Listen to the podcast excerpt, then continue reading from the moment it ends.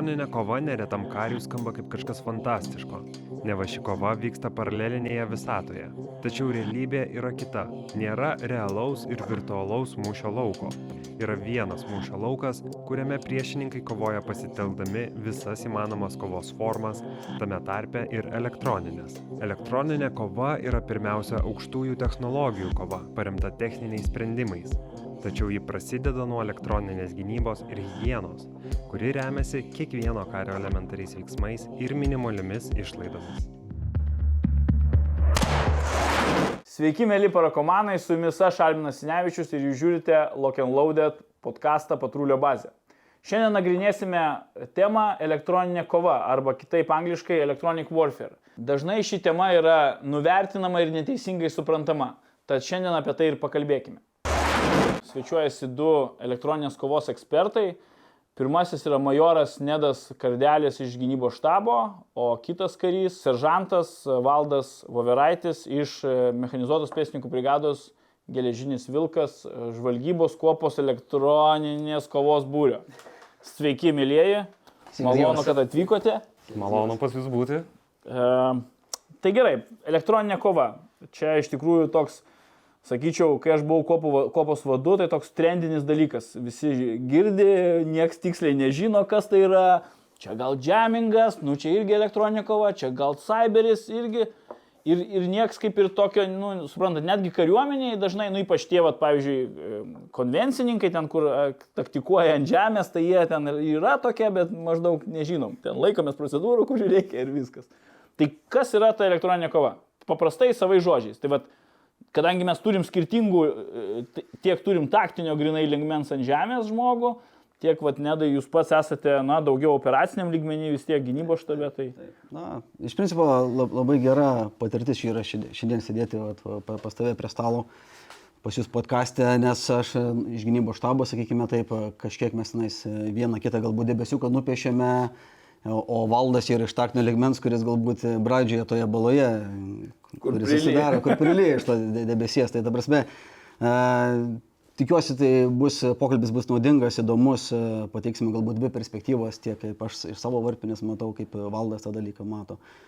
O dabar apie elektroninio kovą, jo, tai uh, užbėgai man prieš akis, nes aš visada uh, paklausiu savo pašnekovų arba žmonių, su kuriais diskutuoju apie elektroninę kovą, kasgi nu, jų įsivaizdavimų yra ta elektroninė kova iš tikrųjų, nes, nes nepaisant to, kad terminas yra jau pakankamai senas, bet jisai toksai senas, naujas pas mus, sakykime, taip, ne tik pas mus galbūt Lietuvoje, bet ir, principai, imkime visą vakarų pasaulį, iš tikrųjų, tai, tai dažniausiai sulaukiu atsakymo tokio, kad, kai paklausiu, tai, tai visgi greičiausiai yra tik tai slopinimas arba džemingas, žinai. Kitas būna atsakymas dažnai susiję, tai tiesiog žmonės įsivaizduoja, kad tai susiję su kibernetika arba, sakykime, su būtent kibernetiniu pasauliu, bet ne, iš tikrųjų tai, tai nėra kibernetika, tai taip, tai yra džemingas, bet tai yra ne tik džemingas iš principo.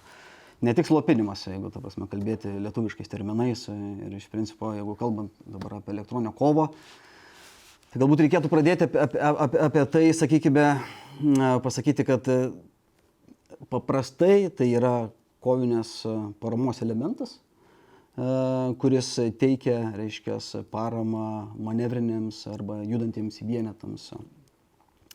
E, ir ką jisai daro, ir jisai, sakykime, specializuojasi trijose srityse, tai džemingas viena yra iš jų, bet tas sritis nėra tik tai žemingas, bet pradėkime nuo pradžių, sakykime taip, kaip aš dėliočiau prioritetus elektroninės kovos, tai yra elektroninė gynyba, iš principo, kad mes patys būtume saugus, e, užtikrintume, reiškia, e, saugumą reiškia, savo e, vienetose, apsisaugoti, jo, jo, savo manevriniuose vienetose nuo, iš principo, slopinimo, nuo, sakykime, taip, signalų žvalgybos, kad patys apsisaugotumėm ir, sakykime, saugiai galėtumėm daryti manevrą. Tai yra pirmas dalykas - saugumas, tai yra elektroninė gynyba.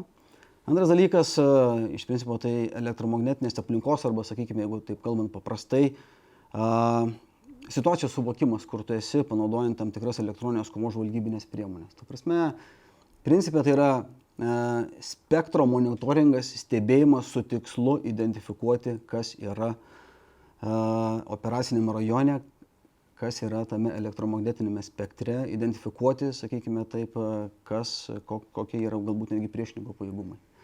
Na ir paskutinis, sakykime, kai jau mes esame apsisaugoję saugus, e, ok, kai jau mes, sakykime, suprantame, suvokime e, operacinę aplinką, panaudodami elektroninės kovos priemonės, tada mes jau galime eiti prie to, sakykime, aktyvaus dalyko arba aktyvaus komponento, kas liečia elektroninę kovą, slopinimas. Bet šitoje vietoje taip pat, reiškia, elektroninė ataka nėra tik slopinimas. Nes taip, tai slopinimas yra, galbūt valdas čia daugiau papasakotų, reiškia, koks slopinimas yra, kokios, reiškia, yra naudojamos modulacijos ir taip toliau. Bet aš manau, prie to prieisime gal šiek tiek vėliau, bet be kito ko, dar, be, be šito dar yra elektroninė kova ir, reiškia, klaidinimas. Vėlgi panaudojant tam tikras elektroninės kovos priemonės, nebūtinai elektroninės kovos priemonės, galbūt tabelinės priemonės, kurias turi mūsų, sakykime, ryšių padaliniai, suimituoti, sakykime, kažkokią tai, reiškia, tinklą, a, kurio pagalba galime apgauti arba imituoti, sakykime, tam, tam tikrus veiksmus ir apgauti priešininką. Ir paskutinis, sakykime, elektroninės atakos, reiškia, sudėmoji dalis, tai yra, a, vėlgi, labai mėgstu įdėti paveiksliuką per savo paskaitas iš žvaigždžių karų, nes labai dėjau šitą, reiškia, filmą, bet, reiškia, la, lazeriai, sakykime, taip. Ir klausiu žmonių, ar lazeriai yra elektroninė kova.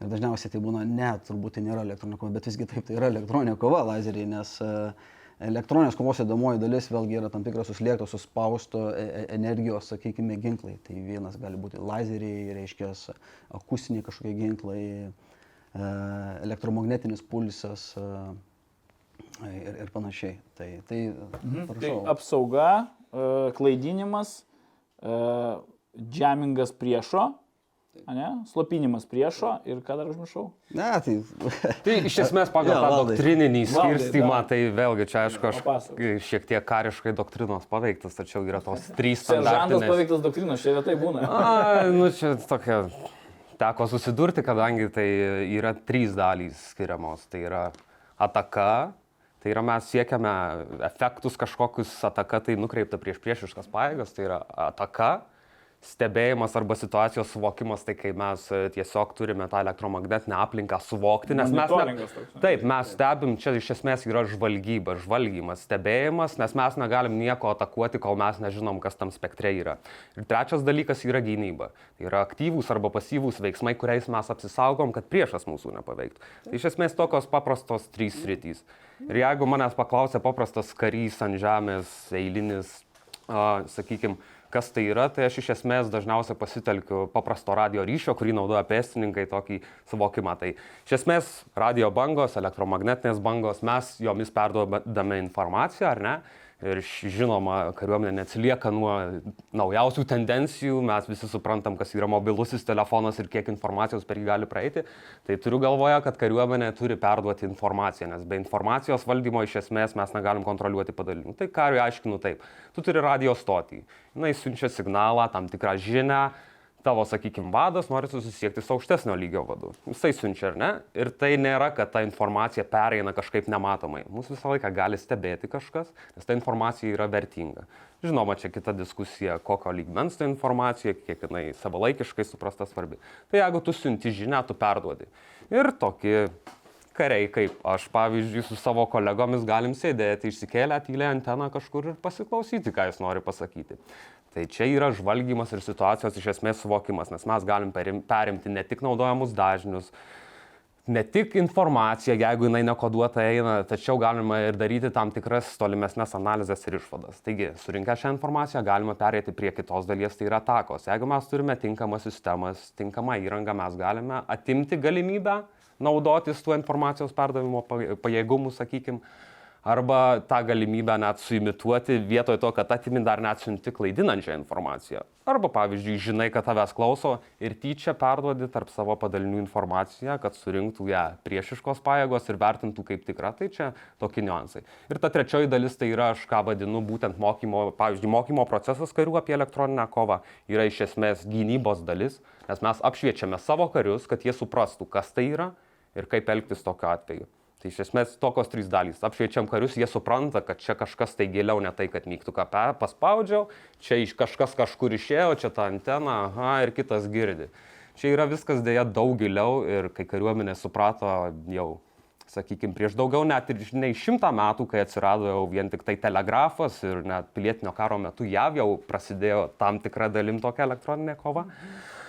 ta informacija yra svarbi, kažkas perima, tai mes turime žinoti, kaip nuo to apsisaugoti. Ir tai yra elektroninė gynyba. Ja, ir Tai Žiūrėkit, vat, valdas palėtė tą istoriją, ne, va tokia, tai kur, kur, kur, nuo ko prasidėjo ta, va tokia, nu gal aš sakyčiau vėlgi modernesnė gal e, elektroninė kova, nes, na, Sovietų sąjungoje esu skaitęs, kad ten 6-7 dešimtmetyje jau jie pakankamai tos pajėgumus tokius jo. kariuomenėse vystė.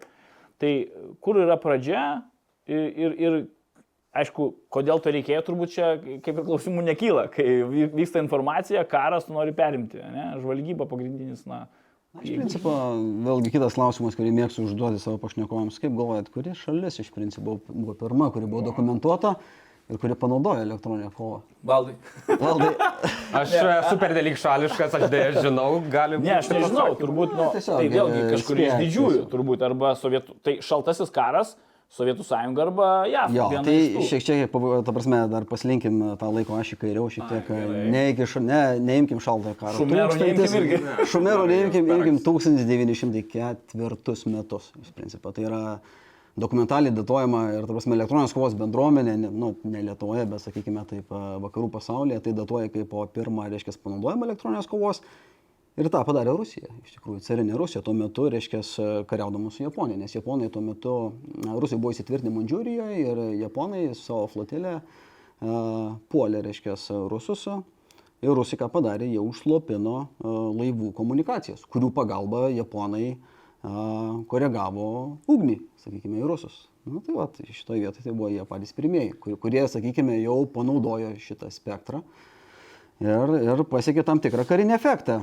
Jeigu, sakykime, išbėgant a, per istoriją toliau, nesigilinant, kadangi tai nėra tikrai istorijos pamoka, bet, prasme, nuo to momento elektroninio kova tik įstobulėjo iš tikrųjų. Tai pirmajam pasauliniam kare jinai nebuvo dar labai plačiai naudojama, bet jinai jau taip buvo naudojama, ta prasme, buvo vykdomas tam tikras komunikacijų slopinimas. a, Įdomus momentas buvo, kad, reiškia, prancūzai ir britai slopino vokiškus zepelinus šitos, kurie buvo, naudo, buvo naudojami, reiškia, navigacijai ir, ir, sakykime, ugnies koregavimui. E, Bet e, plačiausiai elektroninė kova buvo pradėta naudoti iš principo antro pasaulinio karo metu. Ir Čerčilis netgi e, apibūdindamas antrą pasaulinį karą, tai išsireiškė, kad Battle of the Beams. Signalų kova, iš principo. Tai buvo signalų kova, nes jis jau elektroninė kova buvo naudojama masiškai. Ir tada, reiškia, po šito antro pasaulinio karo mes tada prieinam prie to, sakykime, šaltojo karo, jau po karo laikų, kur e, elektroninė kova buvo vystoma vėlgi tiek sovietų, tiek e, vakarų bloko šalių.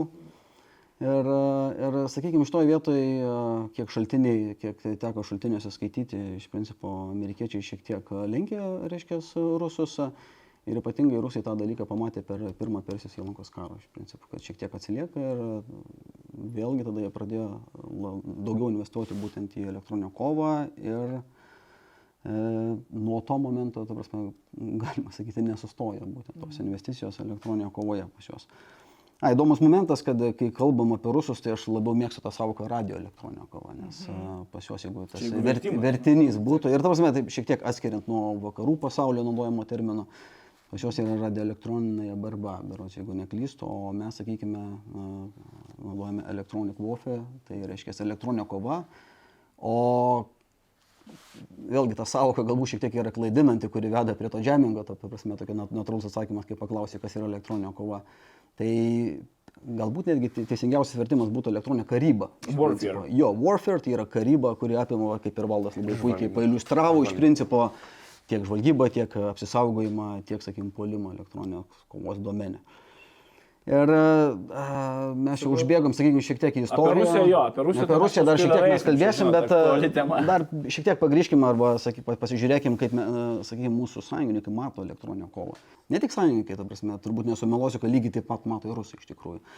Tai jeigu mes paimtumėm tas klasikinius mūšio domenus arba mūšio erdves, tai mūšis, kurį ant žemės, mūšis e, e, ore ir erdvėje, mūšis ant vandens, e, papildomai mes dar turbūt turėtumėme ap, ap, apvinioti šit, šitą, šitas erdves e, informacinių, reiškia, operacijų, Infopso, jo. reiškia, kova ir, ir mūšių vykstančių būtent toje erdvėje, kibernetika turėtų, turėtume nepamiršti. Ir visą šitą dalyką, ta prasme, apsuka arba, arba kaip mėgsta partneriai sakyti, overlapina e, elektroninė magnetinė aplinka.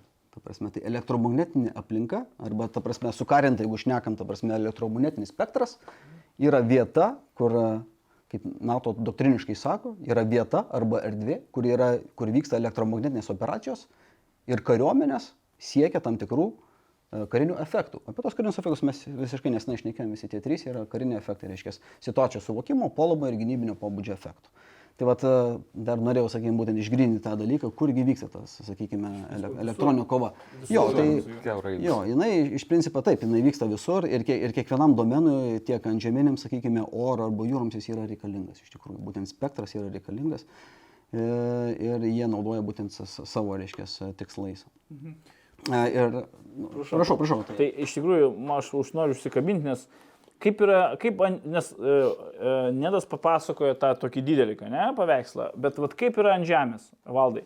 E, kaip elektroninė kova, vat, tu sakei, ne, e, pasakojai, kaip ten pėstininkui suvokti, kas yra ta elektroninė kova. Bet vat, kaip elektroninė kova gali paremti tą patį, tarkim, Sajopsą, kuris yra Infopso dalis, ne? Kaip tai gali paremti gal žvalgybą, e, na, ta, konkrečiai, tarkim, ten mūsų žvalgybos būrius, ne? arba artilerija, oro gynyba. Čiagi, žinai, tas spektras konvencinių yra ir elektroninė kova, jį vat visur yra, ne?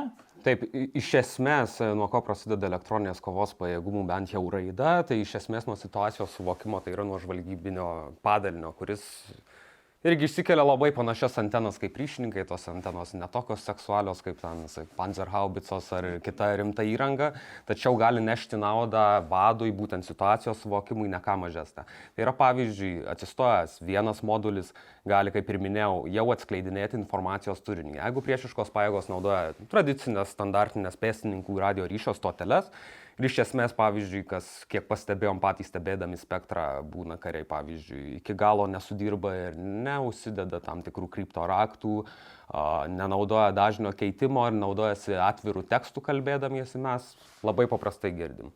Ir mes galime iš karto tiekti informaciją tiek savo būrio valdymo grupėje, pavyzdžiui, aš elektroninės žvalgybos būrė esu, mes teikiame valdymo grupiai, tuo toliau ta informacija eina kuopos vadui ir tikėtina turėtų nueiti iki pat brigados vado, jeigu ta informacija yra pakankamai aktuali. Tai yra mes stebime spektrą, išgirstame ir žinome turinį, jeigu iššifruojame.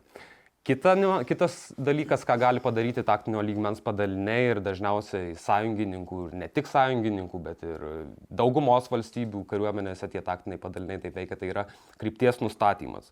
Naudoja paprastą trianguliacijos metodą. Tiesiog tu turi kryptinę anteną, išstatai tris automobiliukus su antenom, nustatai kryptį, žinoma, yra tam tikra paklaida, bet jau tu ne tik atgirdi, kad šneka kažkas su radio stotim ar ne, tačiau tu gali nustatyti kryptį. Mes susitarėm, kad nustatinėjom to padalinio kryptį ir mes jau nesiūsdami žmonių, nesiūsdami bepiločių orlaivių, mes jau renkam žvalgybinę informaciją, kurią toliau perduosim, kad galimai toj vietoje net pažintas yra ryšio užmesgymas. Kokiu tikslumu galima, nu, va, tarkim, ar koordinatės, tu gali artilerijai duoti ir jinai paleidžia va, į tą vietą artileriją. Ta iš esmės. Arba ten e, aviacija Taip, už- turim tinkamą įrangą.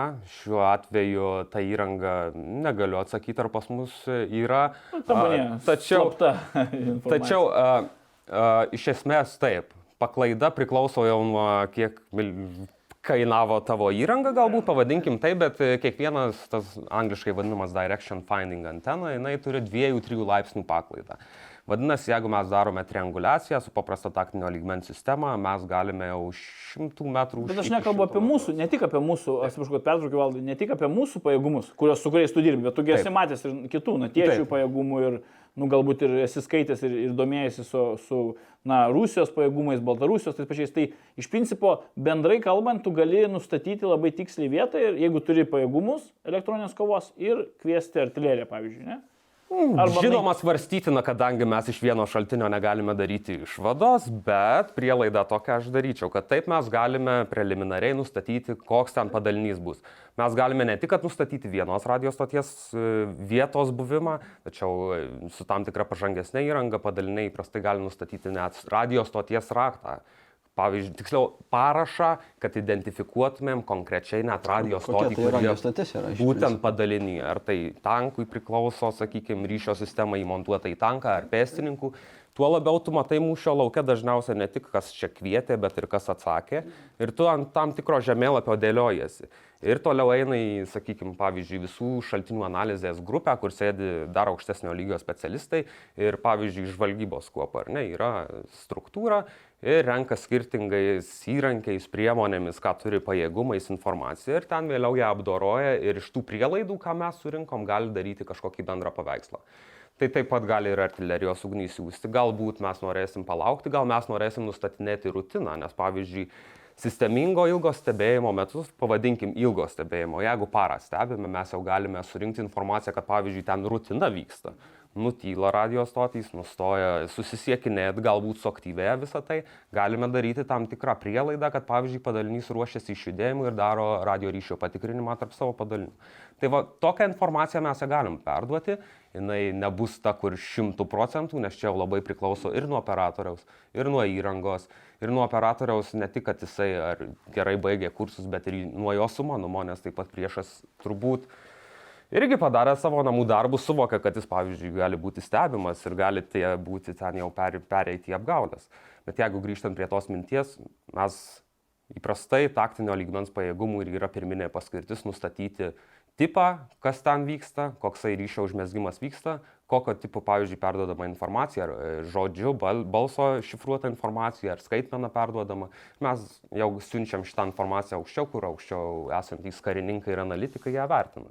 O, o tarkim, pri- priskirimas gali būti, e, pavyzdžiui, elektroninės, tarkim, va žiūrėkit, hipotetinis teiginys. Taip. 2025 metais, 2025 metais bus elektroninės kovos ten koks nors lazerinių ginklų skyrius, kuris bus priskirtas prie pėstininkų kopos. Kaip, nu, arba gerai, dabar jūs galite tokius vat, priskirimus darot, kad kurie paremia netgi pėstininkus arba spės paėgas jų, jų, jų operacijose, kinetinėse operacijose. Jeigu kinetinėse operacijose... Arba ne jūs, bet apskritai, ar tai tokios tendencijos gali būti tai, vat, su elektroniko? Gal aš atsakysiu į tą klausimą. Iš principo, a, jeigu kalbam dabar konkrečiai apie, reiškia, brigados, reiškia, žvalgybos kopos elektronikos kovos būrį, tai jisai dirba, reiškia, brigados vadui. Čia, Taip, supratau. taip, taip. Jisai dirba brigados vadu ir, ta prasme, jo pagrindinė užduotis yra teikti būtent informaciją, kurią surinka brigados vadui ant stalo. Ir papildant šiek tiek valdą, ką jisai sakė, ta prasme, labai puikiai detaliai papasakojo iš principo savo darbinę tą ru- ru- rutiną, kokia tai yra, bet, ta prasme, e, mes prieš tai pradėjom kalbėti apie, reiškia, tą, reiškia, elektronikos kovos paramą artilerijai, žvalgybą ir taip toliau, tai aš va, pa- pa- papildysiu valdą ir, ta prasme, gal šiek tiek nuvažiuosiu Taip, taip, būtent tom temom. Tai iš, iš principo Taip, jie dirba, reiškia, brigados vadui. Brigados vado sprendimai gali būti paskaidomi batalionams. Jeigu, ta prasme, yra toks poreikis, reikia nepamiršti, kad elektroninės kovos žvalgybos sensoriai pagidautina, kad veiktų bent jau po tris, kad galėtumėm turėti tą trianguliaciją ir kaip a, pats klausai, ta prasme, kokiu tikslu mes galime nustatyti, reiškia, tą vietą arba tašką to, sakykime, siūstuvo. Tai vienareikšmiškai, jeigu yra tik vienas sensorius, tai jis tik matys kryptį, jeigu yra du sensoriai, jisai matys daug didesnę elipsę, kur greičiausiai, ta prasme, jinai gali būti ir 100 metrų, kaip pavyzdžiui. Bet jeigu turėsim, ta prasme, trianguliaciją ir trys sensoriai veiks, tai tas, sakykime, ta elipsė, kur, kur, kurie bus e, siūstuvas, jinai bus pakankamai tiksliai ir kaip Valdas sakė, reiškia, koreliuojant su kita žvalgybinė informacija, galima daryti tam tikrą, reiškia, poveikį, ta prasme, į tą taikinį, tai galbūt kinetinį arba nekinetinį.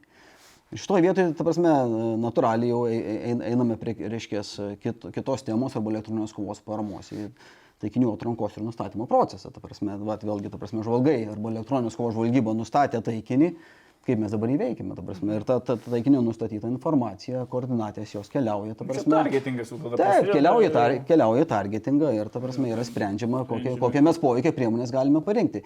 Jeigu mes savo arsenalę, sakykime, turime slopinimo priemonės, tai taip, ta prasme, tai vėlgi papildoma, reiškia, yra pa- papildomas nekinetinis ginklas, kuris gali paveikti tą taikinį. Jeigu mes tok, tokių priemonių neturime, tai tada turbūt reikėtų nu, geležį, sakykime. Tai. Jeigu, jeigu yra toksai tikslas, sakykime, vadavėtas būtent, e, galbūt tai yra, reiškia, svarbus taikinys, kurį mes norim pasiklausyti, kaip pavyzdžiui, ir mums nereikia jo sunaikinti.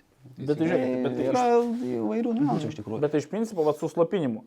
Tai jeigu mes turim gerus kovin, e, elektroninės kovos, aš matau įtampas jūs, nes jūs band, galvojat, ką čia, ko ką galiu sakyti, ko negaliu. Viskas gerai. Iškirpsim. Arba žiūrovai užsidengit ausis.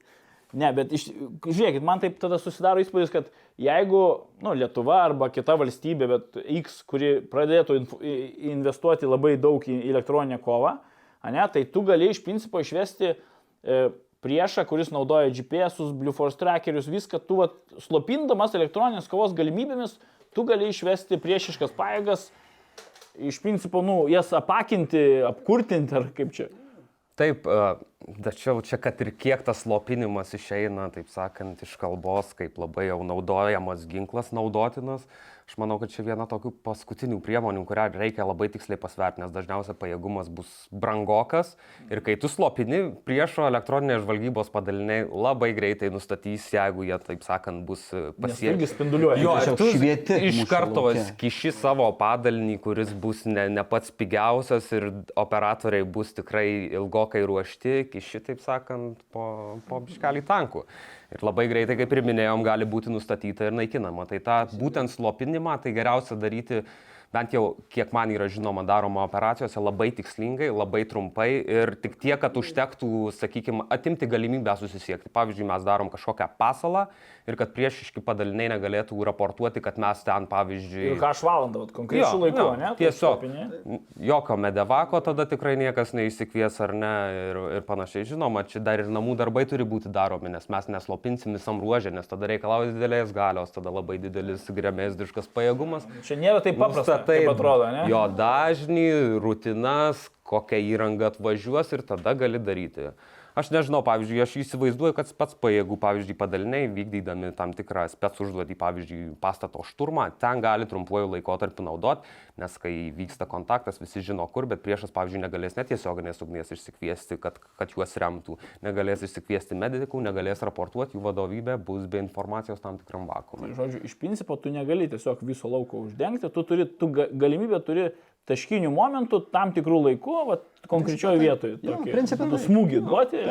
Šitą tokį masyvaus bara, ten barrage vadinasi Nu, angliškai. labai- labai slopinimo. plataus, sakykime, spektro e, slopinimą. Kažkada tarybiniais laikais ir dar dabar naudojat, vas pavyzdžiui, lėktuvas yra toksai An-12 PPS, e, kur, taip sakant, kaimynai iš rytų e, naudodavo ir dabar galbūt naudoja ir jisai labai plačiai slopindavo. Ir kiek man žinoma iš atvirų šaltinių, slopindavo tiek, kad net ir patys neturėdavo jokio ryšio, nes tiesiog paima labai platų ruožą, labai daug galios, bet visi tada pakinti, jokio ryšio perdavimo. Tada grįžta turbūt į madą pasiuntiniai ir visi kiti metodai. Nu, turbūt gali dar ir savo žmonės slopinti, kaip šaltojo karo laikais, sakykime, Amerikos radijas, Amerikos balsas buvo slopinamas, taigi buvo ten strateginio, reiškia, slopinimo sistema ir tiesiog jinai gali būti įjungta ir slopinti, sakykime. Tokia, bet e, kalbant apie konvencinį mūšį, gerai valdo sako, ta prasme, rezumuojant, slopinimas turi būti pakankamai juvelyriškas ir pasvertas, kada ir kur jis yra reikalingas iš tikrųjų. Tai yra ar tikrai jis reikalingas. Ir tokio, sakykime, plataus arba slopinimo kupolo uždėjimas, nu, sakykime, taip, taip, reikalautų daug resursų, galbūt tai būtų, sakykime, įmanoma tam, tik, tam tikrose vietose padaryti, bet nemanau, kad tikslingai iš tikrųjų. O kokie, kokie, yra- kokiais iššūkiais, tarkim, susiduria na, įvairios kariuomenės arba vystant šitą e, pajėgumą? Nu, vat, jūs sakėte, kad ten galios yra skirtingos, tu, tu, tu turi padaryti, tai technologinis, iš principo technologinė pažanga, jinai vi- vis tiek, ne, nebūtinai tu spėsi su, technolo, su ta ketvirtąją pramonės revoliucija, ne? Taigi irgi čia labai susijęta tas elektroninė kova. Ko- Kokie dar iššūkiai, nežinau, parengimas personalo. Na, iš esmės tai vienas tokių sunkesnių, tiksliau tokių iššūkių didesnių yra, pavyzdžiui, personalo būtent atranka ir parengimas. Kadangi mūsų kariuomenė šitas pajėgumas yra toks visiškai kūdikio stadijoje, pavadinkime. Bet jau ne embriono. jau kūdikis. Nu, čia nežinau, gal majorai kompetitingesni įvertinti šitą, tačiau pradžioje labai sudėtinga, nes e, čia reikia turėti skirtingų įgūdžių, ne tik suprasti iš, sakykime, teorinės pusės elektromagnetinių bangų teoriją, reikia... Fizika tokia. Čia yra fizika ir ne kiekvienas karys norės tai daryti, bet tu ne tik, kad turi būti geras ryšininkas, pavadinkim, bet tu turi būti dar ir tam tikrą prasme žvalgas, e, kuris, taip sakant, nu, šiuo atveju, kaip aš esu, pavyzdžiui, žvalgybos kuopoje, e, tai tas karys turėtų būti dar ir žvalgas, nes e, geras klausimas iškyla tada, kai pavyzdžiui, mūsų, sakykime, tam tikros kariuomenės naudoja manpackus vadinamus ant žmogaus. Tai vadinasi, tau nereikia siūsti net e, padalinio, tu prijungi, pavyzdžiui, vieną karį arba porą elektro, elektroninės kovos karių su žvalgybinė įranga prie, pavyzdžiui, pėsčių žvalgų skyriaus, jų stebėjimo postą. Man atrodo, kanadiečiai buvo kažkada atvažiavę į pratybas pas mus irgi su menpedais. Tai... Jo, tai va, tai gaunasi taip, kad tas karys turi ne tik būti geras ryšininkas, bet būti ir žvalgas, turi dar turėti tokią, tokį įgūdį, kad savarankiškai, sakykime, save ugdyti ir nelaukti, kol mane čia tiesiog kažkas išsiūs į kažkokį kursą, kad aš kažką suprasčiau. Ir paskutinis turbūt niuansas, kad nelabai kas žino, ta- kas ta elektroninė kova. Tu ryšininką nori ištraukti iš tos jam aiškios aplinkos sudėtinga gaunasi, tu nori ištraukti kokį nors žvalgą ar šiaip protingą karį iš tos aplinkos ir tada jam tenka susidurti su formulėm ir fizikos teorija ir tada gaunasi, kad... tarp, tarp disciplininė dalis. Tarpdisciplininis ane? toksai Ir Aš manau, kad čia ir dalykas. kitos kariuomenės su to Taip, stragina. būtent tą patį, kiek aš kalbėjau, e, reikia tada ir aukštesnius pareigybinius laipsnius suteikti. Išlaikyti personalą. Išlaikyti personalą, nes personalas kvalifikuotas, pavyzdžiui, Šauktiniais civiliniai. nebus jau čia, Šaukt, Koks e, tupas Vova ten Rusijos Nu, kariuomenė. čia yra kitas klausimas, šito klausimu gal vėliau pereisim. sakyti, kad Rusijos buvo tūpas. Nu, ta prasme, aš apie šauktinį. Apie šauktinį. A, e, Tada gaunasi, kad tas personalas, kuris galbūt turi išsilavinimą specifinį ir jis atėjo, pavyzdžiui, į šaukimą, jį gali pritraukti. Bet tada tu Galbūt, konkuruoji su civilinė rinka, kurioje, pavyzdžiui, tam kariui gali pasiūlyti, jeigu piniginę išraišką geresnį gerokai atlyginimą už tą jo, sakykime, tas jo kompetencijas. Tai taip gaunasi, kad sunku išlaikyti, reikalauja daugiau negu iš standartinio kario ir viskas labai nauja čia. Ne? Ir tas, sakau, pajėgumas tai nėra toksai jau patrauklus akiai, nes čia tokia pilka zona. Čia nėra, kad haubico šaudo, spets pajėgos bėgioja gražų šalmai, o čia va. O čia, jo, valda papildant valdą, tiesiog e, padarai atranką, ateina žmonės ir pamato, galvoja, okei, okay, elektroninė kova, kažkas naujo, fancy, reikalai šiek tiek seksualu. E, Gauna, reiškia, antenas pamato, pamato, reiškia, spe, spektro analizatorių ir tada jau na, nusvyra, sakykime, ta motivacija šiek tiek, o dar kai reikia žiūrėti, reiškia, spektro analizatorių, bandyti suvokti, kas tenais yra, ta prasme, reiškia, sek- sekti signalų srautą, suprasti jo, jo sudėdamasis dalis. Tada ta motivacija šiek tiek jau dinksta ši- šitoje vietoje. Bet aš manau, su nauja karta, žinokit, kurie žmonės nuo kompo ateis prie kompo. Bet tai čia- yra, bet yra, esu matęs, gerai. e, sorry, kad atraukiu, esu matęs tikrai, ta prasme, pasuomius, e, žmogus taipogi, reiškia, stebėjo spektro analizatorių, stebėjo, stengiasi identifikuoti tam tikrus signalus.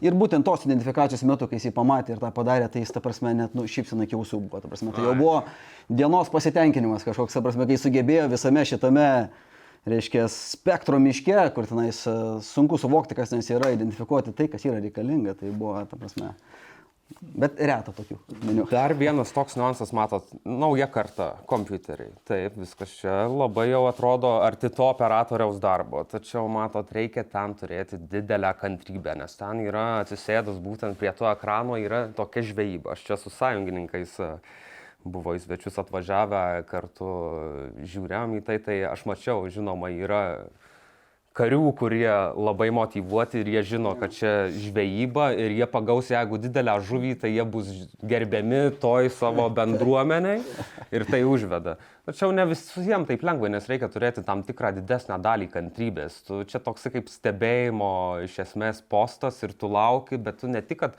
pamatai, o automobilis juda gerai, o čia priešas atvaro, o ten tu pamatai ir dar reikia tau suprasti.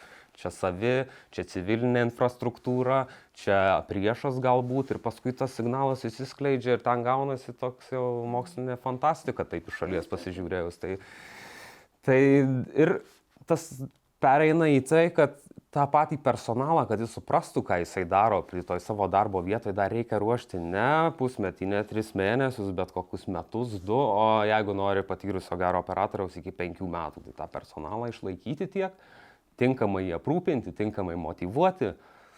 Tai gaunasi tokia šiek tiek apsunkinta užduotis ir aš kiek žinau ir sąjungininkai susiduria su, su, su tais pačiais iššūkiais, būtent, kad e, mm, labai specifinės rytis, ganėtinai daug reikalauja ir kartais atšoka tas noras tiesiog kariams po kurio laiko. Gerai, bet apie sąjungininkus. Šiaip, kokios yra šiaip NATO, tarkim, elektroninės kovos tendencijos va, šiuo metu? Tarkim, kur krypsta? Ar į, va, tarp tų trijų sričių gal kas labiausiai vystoma? Na, sakykime, taip, kalbant apie elektroninę kovą e, sąjungin- sąjungininkus, tai turbūt šiandien jau arba mes prieisime vėliau, kalbėsime, kodėl mes esame tokioje stadijoje, arba aš galiu dabar pasakyti, kad iš principo e, mes, sakykime, e, galbūt ne mes, arba didžiosios vakarų valstybės kovodamas, e, reiškia, karą Afganistane ir Irake, susikoncentravo labiau į iš principo e, kovą prieš improvizuotus sprogstamosius užtaisus ir elektroninės kovos priemonių panaudojimą, reiškia, slopinant e, galimus signalus, kuriomis jo- jos gali būti, reiškia, kurie gali būti inicijuoti. Tai. Tai taip, ta prasme, ir šitoje vietoje taip, taip, tai truko, reiškia, porą dešimtmečių ir e, iš principo e, ta tokia konvencinė elektroninė kova, kurios jau galvojam, arba vakarų, reiškia, šalės galvoja, kad nebereikės, arba, sakykime, galbūt pakaks to, tas, kas yra iš tikrųjų, tai jinai paseno, sakykime, nusilpo, nebetitiko, reiškia, nūdienos reikalavimų. Ir vėlgi mes ateityje išnekėsime apie, reiškia, Rusijos operaciją Ukrainoje. Ir būtent, reiškia, tuo metu, kai e, rusai įžengė į Ukrainą ir parodė, ką turi, ir tuo metu, kai rusus pamatėme Sirijoje, e, tuos, tuos dalykus, tas priemonės, jų gebėjimus ir techniką pamatė, reiškia, vakarų pasaulis ir suprato, kad ne, ta prasme, mes, mes turime kažką daryti, iš, iš principo, kad, kad bent jau technologiškai e, neatsiliktumėm arba priliktumėm, o, o pagidautumėm, pranoktumėm savo, reiškia, oponentą. Tai iš to vietoje va, ta problema ir buvo. Iš, principo, keletas metų atgal e, buvo, reiškia, toks e, akis. e, Jo, jis atsivėrė. 2017, man atrodo, ar 2018 aš skaičiau, kad net JAV generolai, ta prasme, kurie ten atsakingi už elektroninę kovą JAV, jie netgi konstatavo, kad mes, mes atsilikom nuo, nuo rusų, kad rusai mus iš principo, na, arba bent jau pasivijo, arba kai kuriuose srityse gal net aplenkė. Tai, tai, kur, kur, kur, kur, kur dabar, kokios tendencijos? Kur NATO ir, na, aišku, JAV kaip e, flagmanas NATO, kur, kur labiausiai dabar, e, na, vysto Kur, pajėgumą? kur labiausiai skauda, ne? Kur labiausiai skauda, kur labiausiai sakykime, skauda. Judame iš principo. Na, principė, e, e, kaip ir sakiau, prasme, rusai, kaip ir po šaldo karo, nenustoja vystyti, reiškia, elektroninės kovos. Apie rusus turbūt dar prasme, Galim dabar buvo- paliesti irgi juos. Gi buvo, sakykime, ir ta mo- modernizacija prasidėjo ir jie ir dar toliau, ta prasme, didesniais tempais vystė. Ko pasiekoje, kaip ir minėjau, ta prasme, sąjungininkai šiek tiek sėdėjo, reiškia, Afganistane, Irake ir būtent ten tos priemonės nuėjo į tą kryptį.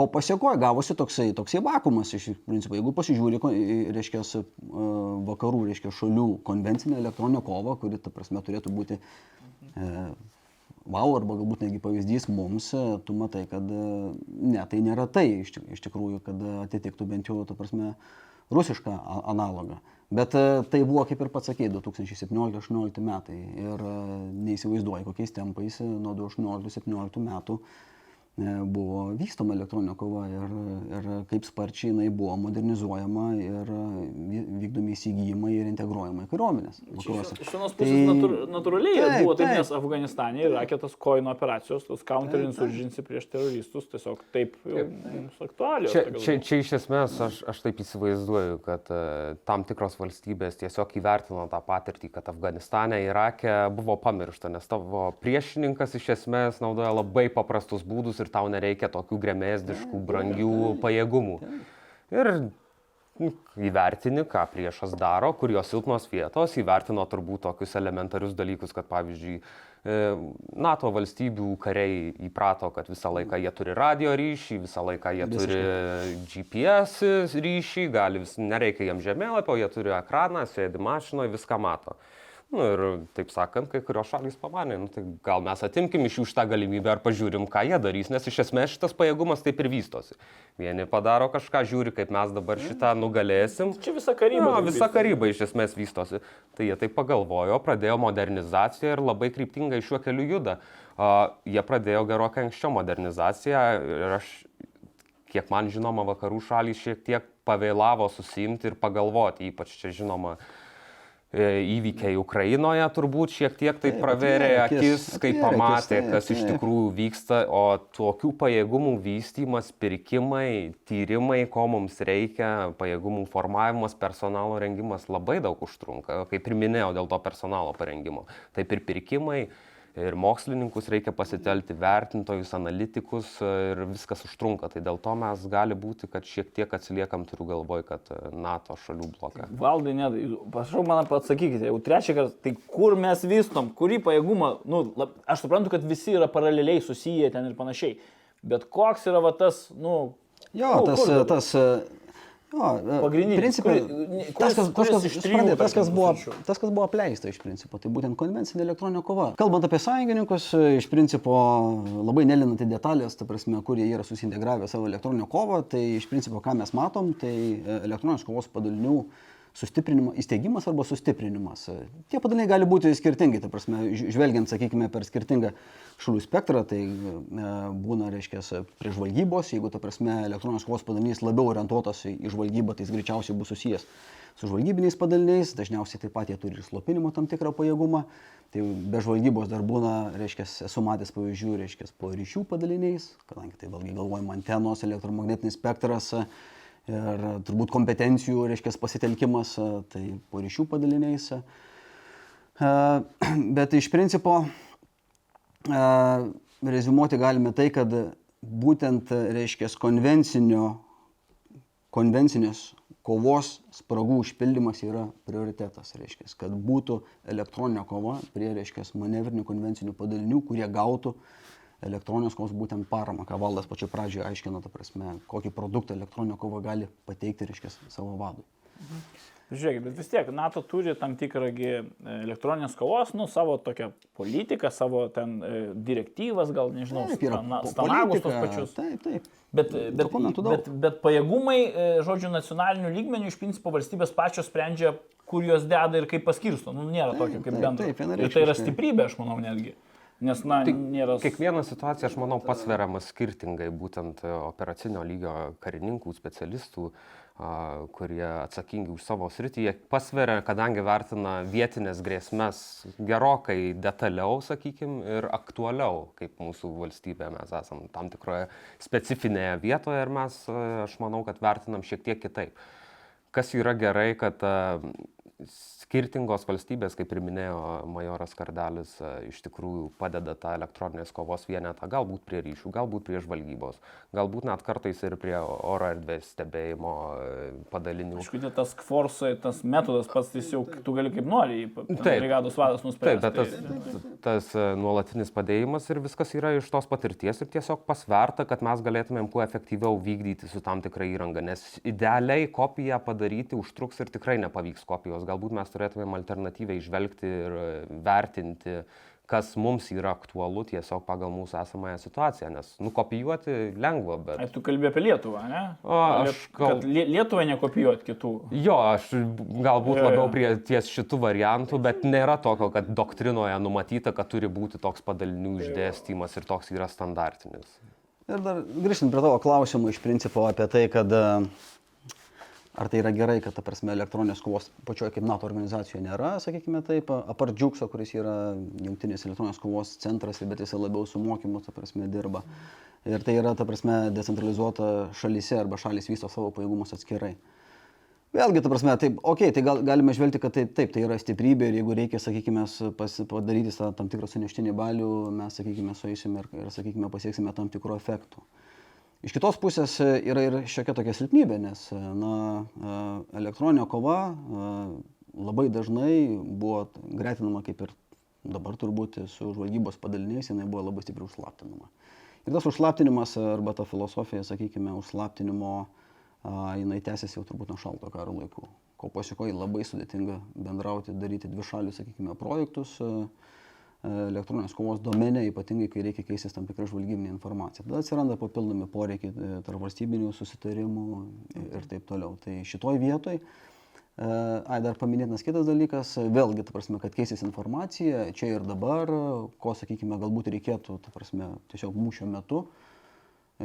E, Dažniausiai, ta prasme, tai būtų pakankamai sunku, nes yra skirtingi elektroninės kovos protokolai, ta prasme, domenų apsikeitimo tiesiog iš to vietoje, bet e, nu, nepaisant šito, sakykime, tokio trūkumo, bent jau aš matau, dalyvauju tam tikrose grupėse, ka NATO juda, reiškia, tą kryptimį, kad išspręstų tą klausimą ir, ta prasme, gimsta bendras standartas, e, elektroninės kovos domenų apsikeitimo standartas. E, Kad ir kaip ta informacija būtų įslaptinta, kad ir iki, sakykime, slaptai tą informaciją tarp elektroninės kovos padalinių kaip ir būtų galima keistis, turint tam tik, nu, ta prasme, tokius pat protokolus. Ki- Kita vertus, tai, tai ką girdžiu apie elektroninę, tai čia visur. NATO, žinot, viso, vis, vis kokio, kiekvienoje srityje tu turi skirtumų. Ir, ir tai iš principo NATO kaip alijansą mus tam tikra tokia, lyginant su, tarkim, potencialiu priešininku Rusijos federacijos ginkluotosiam paėgom.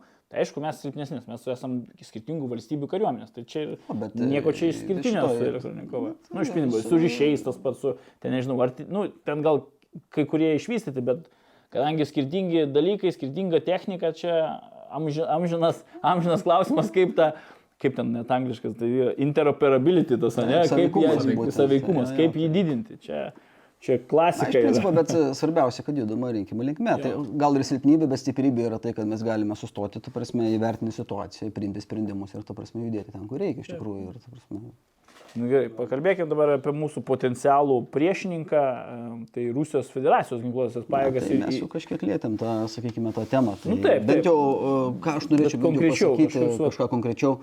Sakykime, taip, yra labai kel, ke- negi keletas labai gerų šaltinių. Ta prasme, kai mes jau šnekėjom, ta prasme, kai atsivėrė visiems akis apie elektroninio kovą, e, ką Rusijos federacija sugeba būtent toje srityje, e, gimė keletas e, neįslaptintų studijų iš tikrųjų. Tai tiek švedai padirbėjo, tiek britai padirbėjo.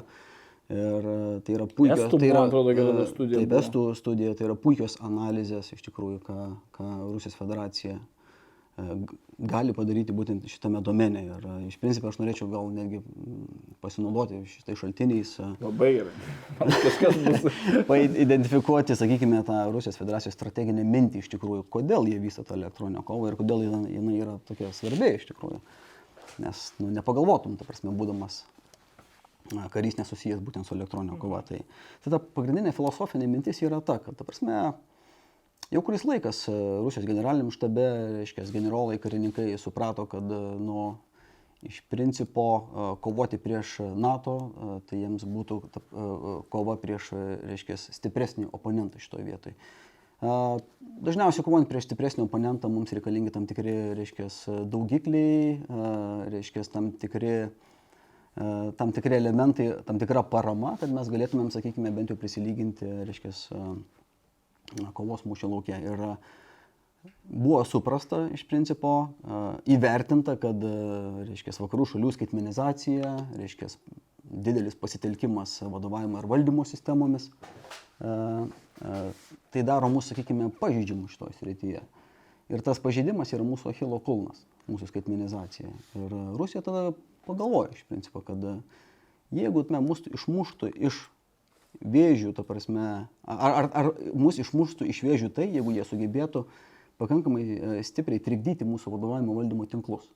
Jie nusprendė, kad taip, ta prasme, tai, ta prasme šitas force ratio atsidurtų šiek tiek jau jų, jų naudai, iš tikrųjų, jau pridėjus dar papildomus kitus e, daugiklius, e, galbūt ir visai priimtina kovoti šitoje vietoje. Tai, tai jų ta filosofija ir buvo tokia, kad e, pakirsite mūsų achilo kulną per mūsų skaitmenizaciją šitoje vietoje. Na ir e, mačiau, reiškia, pastarį podcastą buvo daug šnekėta apie, reiškia, Rusijos federacijos modernizaciją ginkluotų pajėgų, tai elektroninio kova buvo šitoje vietoje neišimtis ir netgi tam tikras prioritetas, galime sakyti, nes nuo 2008 metų buvo pakankamai daug lėšų skirta elektroniniai kovai, radio Po elektroniniai Gruzijos. Rusijos karo, ne? Na, iš principo taip. e, Iš principo taip, po Gruzijos Rusijos ka- karo, bet e, ši- šita elektroninio kova, sakykime, bent jau e, jinai neišsiskyrė iš bendro, reiškia, modernizavimo kaž- kažkokio tai ten tos visos srovės arba to trendo to metinio.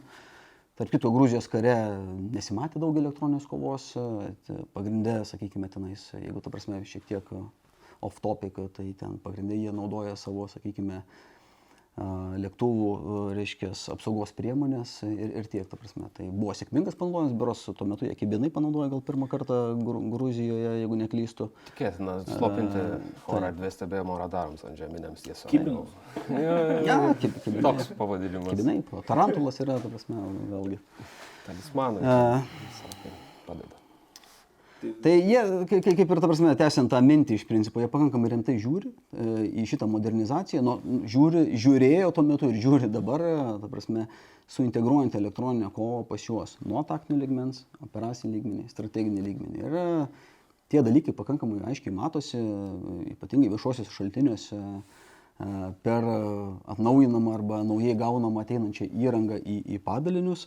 Kas yra svarbu, kad ateinanti būtent ten tą įrangą jinai paima pilną spektrą. Ta prasme, kaip yra teigiama iš, iš principo, kad e, jinai gali slopinti, trikdyti, įsiterpti į principę daugumą, reiškia, NATO tinklų visame spektre. Ta prasme, jeigu mes kalbam turbūt ir radio ryšys, ir mobilus ryšys, ir palidovinis ryšys, ir GPS signalas. Ta prasme, jis, reiškia, Rusija turi pilną, reiškia, paletę tų priemonių, e, kuriamis sėkmingai e, galėtų ir galė, po modernizacijos galės tri- trikdyti, reiškia, savo oponentus. Na, paminėtina ir tai, kad, reiškia, elektroninė kova yra vienareikšmiškai Rusijos anti-access air denial sistemos dalis. A2AD Ir, čia Jo, ta? A2AD ir būtent jinai vaidina taipogi tam tikrą svarbų vaidmenį. Kas yra Būtent duodė? Dar va, trumpai irgi va, užkabinai. Na, nu, jeigu paprastai kalbant, kad visi su, suprastų, tai aš esu kilęs iš Šiaulių ir kartais man reikėdavo į parduotuvę nueiti per ten tam tokį bromą ir aš jeigu ten matydavau buriuojasi žmonių grupelę, aš eidavau aplinkui. Tai žinai, čia yra anti-access. Ta prasme, aš tada jau neinu į tą, tą burelį žmonių, kad ne, negaučiau, sakykime, kažkokią spyrį ar dėtimtų pinigų, mano, tai aš einu aplinkui. Tai yra anti-access. Ko pasikoji, Kaliningradas yra būtent ten ta vieta, kurioje yra ta anti-access ir denial sritis, tai jie kaip ir prevenciškai stengiasi uh, neįleisti, sakykime, taip, grasindami. O air denial, tai jeigu jau, sakykime, patenku, jeigu šitą burelį žmonių patenku, tai aš tenais gaunu keletą spyrių, galbūt atima mano pinigus ir aš turbūt gal kitą kartą neičiau tenais ir, ta prasme, būčiau šiek tiek sulopytas. Tai vėlgi, jeigu kažkokie, sakykime, mūsų sąjungininkų, reiškia, pajėgos į tą burbulą įskristų ir būtų, greičiausiai būtų kažkiek pamokoma, sakykime. Bet tai, ta prasme, doktriniškai, teoriškai, tai, sakykime taip. Tai elektroninė kova šitoje vietoje taip vaidina pakankamai didelį vaidmenį su, sakykime, ypatingai ne, tam tikros uh, operacinio ligmens slopinimo sistemos. Tai, man atrodo, krasuka sistema yra antra, Taip. ketvirta. Uh, nežinau, valdai. Iš esmės jo, bent jau Kaliningrado būtent srityje, tai a, būtent elektroninės kovos tam tikros sistemos yra patalpintos, kad pavyzdžiui veiktų, kaip ir minėjo, visam e, ruožė, taip sakant, ne tik kad slopintų radio ryšį, kaip pavyzdžiui yra tokia Murmans BN sistema, kuri net galima per per a, Google žemėlapį satelitą prisartinti, matai, kur stovi, pavyzdžiui. Na, įskirta, pavyzdžiui, trikdyti ryšį, kuris vadinasi aukšto dažnio pasaulinė ryšio sistema, kur amerikiečių būtent naudojama tarp laivų ir oro padalinių būtent komunikacijom. Jie norėtų užžeminti, deklaruoja labai didelius atstumus. Labai didelė. Labai didelis atstumas. Nu, aš iš atvirų šaltinių tai galiu pasakyti taip. Vienas šaltinis sako iki 2000 km, kitas iki 4, kitas iki Kiek, 8. kiek? Nu, čia tam tikram dažniui, čia dar gera diskusija būtų kaip iš tikrųjų, nes ten reikėtų tai paskaičiuoti, įmanoma. ar techniškai taip įmanoma ir su fizikos dėsniais viskas čia tvarkoja, nes dar kita vertus tokiam būtent atstumui e, užslopinti, tai reikėtų nežmoniškos elektros energijos, bet jie taip deklaruoja. Klausimas, jie tą informaciją išleidžia į viešumą, tai čia, kad mes svertumėm, kad matuotumėm, kiek jinai yra tiksli, nes čia žinot. Vis, jie labai dažnai deklaruoja, kad veikia iki 400 km. Nu, ir tos visos sistemos iš esmės veikia iki 400 km, bet nepamirštam, kad Žemė apvali. Nu, Bet bent tai vėlgi, daugumos taip, nuomonė. taip išeina, kad tada jie paima, jeigu jie sukoncentruoja, čia nežinau, kažkokius didelius pajėgumus Baltarusijoje, Kaliningradė, jie gali praktiškai visą Lietuvą už. Ten už Tai čia ne vien tik... tai- Nepamirškim, nepamirškim, kad Žemė yra apvali. Čia yra viena. Aukštam dažnyje, taip jie gali... Nemoku fizikos, man paaiškink. Nu, žemė ap- apvali, čia iš geografijos gal labiau, bet Nu, viskas. O, e, Ta prasme, elektromagnetinės bangos, radio ryšys, e, jisai yra aukštam dažnį, jisai gali atsispindėti nuo ionosferos ir taip gali pasiekti tą deklaruojamą atstumą, jeigu pakankamai tikslu. Čia kaip ir, pavyzdžiui, Vatikano radiją mes girdim čia, nepaisant to, kad, sakykime, žemė apvali. Tačiau, pavyzdžiui, naudojama labai aukšto dažnio e, ruožė, tos pėstininkų elementarios stotelės. Vis tiek yra horizontas, yra formulė, tu gali pasiskaičiuoti ir tavęs niekas neužslopins, jeigu tu stovėsi arba už kalno, arba už žemės linkio. Tai, nu, maksimum 40 km. Tačiau tie atstumai labai skamba gerai ir jie vis dėlto galioja prieš e, lėktuvus, orlaivius elementariai. Bet vėlgi matuokime tai, kad jeigu sakom, mes 400 km galim nuo Žemės šitą žemynę sistemą pasiekti, tai tas lėktuvas už 400 km mažiausiai 10 km aukštyje turėtų būti. Tai čia tie atstumai tokie. Tačiau iš principo grįžtant prie to e, anti-access area denial dalyko, tai jie pasirengia visuos, visuose, visame tame spektre, įskaitant lėktuvus, įskaitant uh, Laivus. naikintuvus, laivus, antžeminės sistemas, viską ne tik, kad pamatyti, išgirsti, išanalizuoti, bet ir reikalui esant ir užslopinti.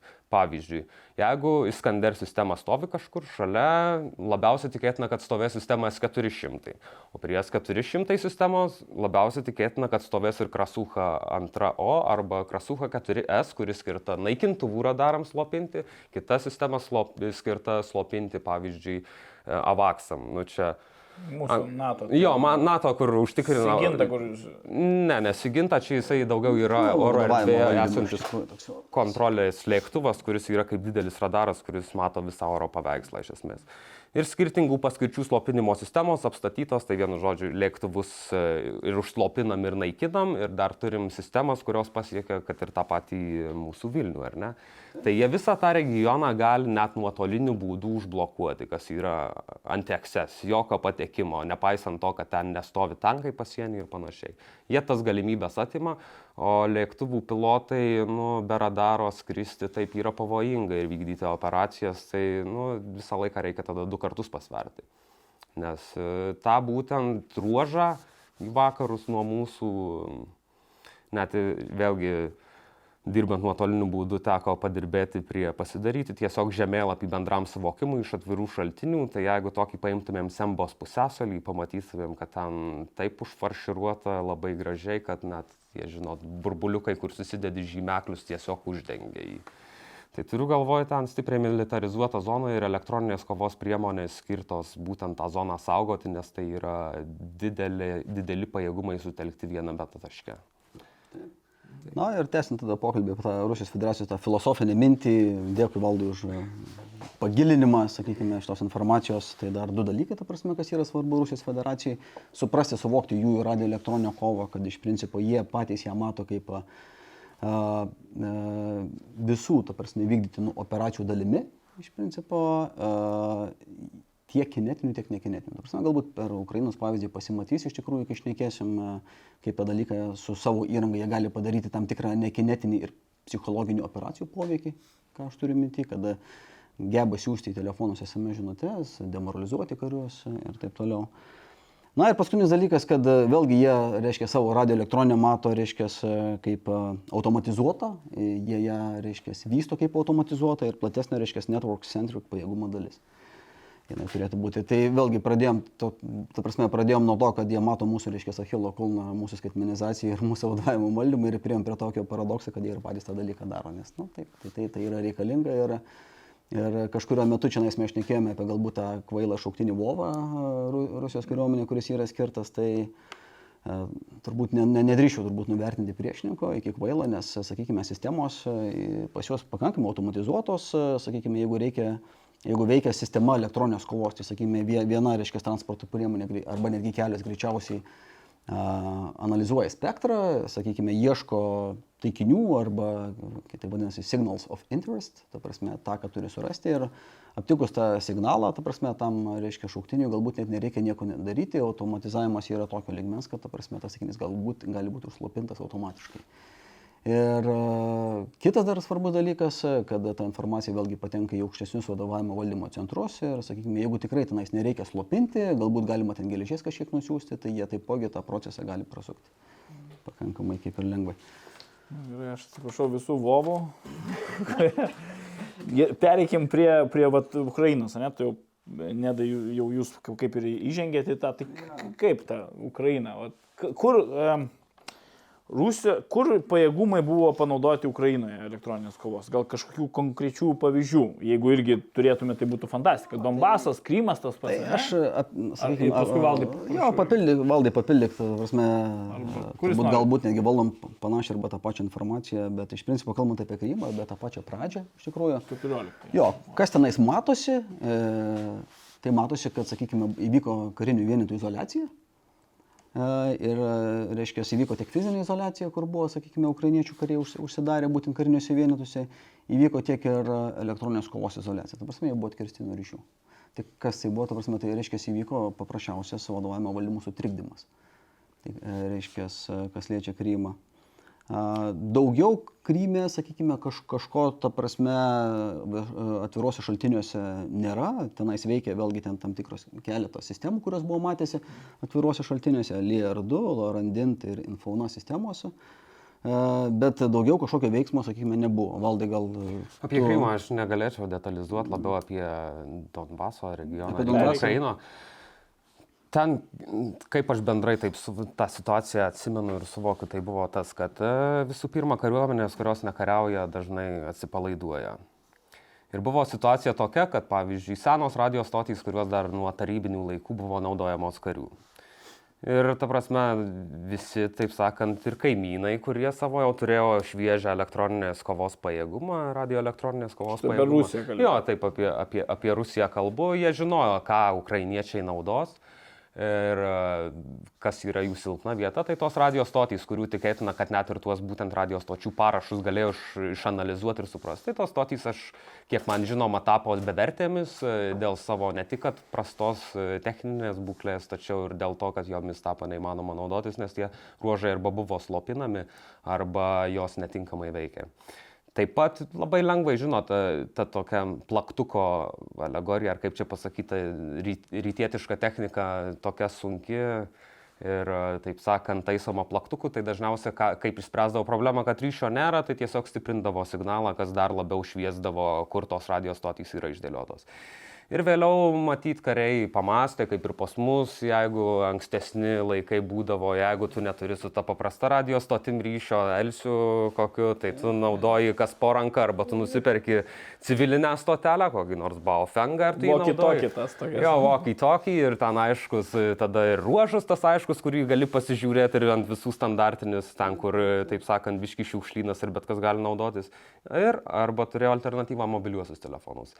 Ir šitos abi dvi alternatyvos taipogi buvo stebimos, nes tu jau jeigu turi elektroninės žvalgybos padalinį, tai tu tą matysi. Su mobiliuoju ryšiu šiek tiek sunkiau. Buvo tam tikros pastebėtos tipinės sistemos, tai yra pavyzdžiui Layer 3, a, kur naudoja, naudojo Orlan 10 bepiločius orlaivius, prie kurių tvirtinami buvo tam tikri podai, kurie imituoja ra, e, mobiliojo ryšio tarsi stotį, kad Jo, telefonai prisijungtų. bokštą. Čia jau paskui, jeigu vėliau plėtosime šitą temą, tai ten buvo ir būtent tie PSYOPSO, tokie niuansai pavartoti ir panašiai. Kiti dalykai buvo būtent rytų Ukrainos konflikte, tai būtent sistema Žytel, kuris skirta yra būtent GPS signalų slopinimui ir, ir mobiliojo ryšio irgi slopinimui. Tai kai ukrainiečiai vietoj tų naudotų senų tarybinių radijos stočių perėjo prie nešiojamų stotelių ir mobilaus ryšio, Ir pavyzdžiui, ant to mobilaus ryšio arba gaudavo SMS-us, arba gaudavo artileriją, arba minos vaidžių ugnį, nu, bet kokią netiesioginę ugnį ant galvų suprato, kad nu, tas telefonas turbūt nėra geras dalykas naudotis, nes tu švieti. Ir jeigu aš, pavyzdžiui, sėdžiu elektroninės žvalgybos specialistas ir matau, va tokį vorą po vieną, dešimt juda telefonų, ten miške. Hmm. Kas čia, jau didelės analizės nereikia ir bet kas, kas bent kiek taktinio supratimo turi, gali daryti prielaidą, kad čia, pavyzdžiui, ateina ukrainiečių žvalgai ir siunčiam artileriją, didelio mokslo nereikia. Taip pat ir su, su tais mobiliaisiais telefonais šiuolaikinį žmogų nuo to mobiliojo prietaiso atpratinti labai sunku ir įdomu, kas būtų, jeigu dienai visiems išjungtum ryšį, čia kaip buvo, pavyzdžiui, su Facebooku visai neseniai. Tai čia tik Facebookas atsijungė, Instagramas atsijungė, Whatsappas, visa kita liko, bet jau ir tai buvo sumaišties, nes jau čia ir man buvo draugai, jau čia per kitur, jau čia kas čia įvyko. Jau mes ant tiek pripratę.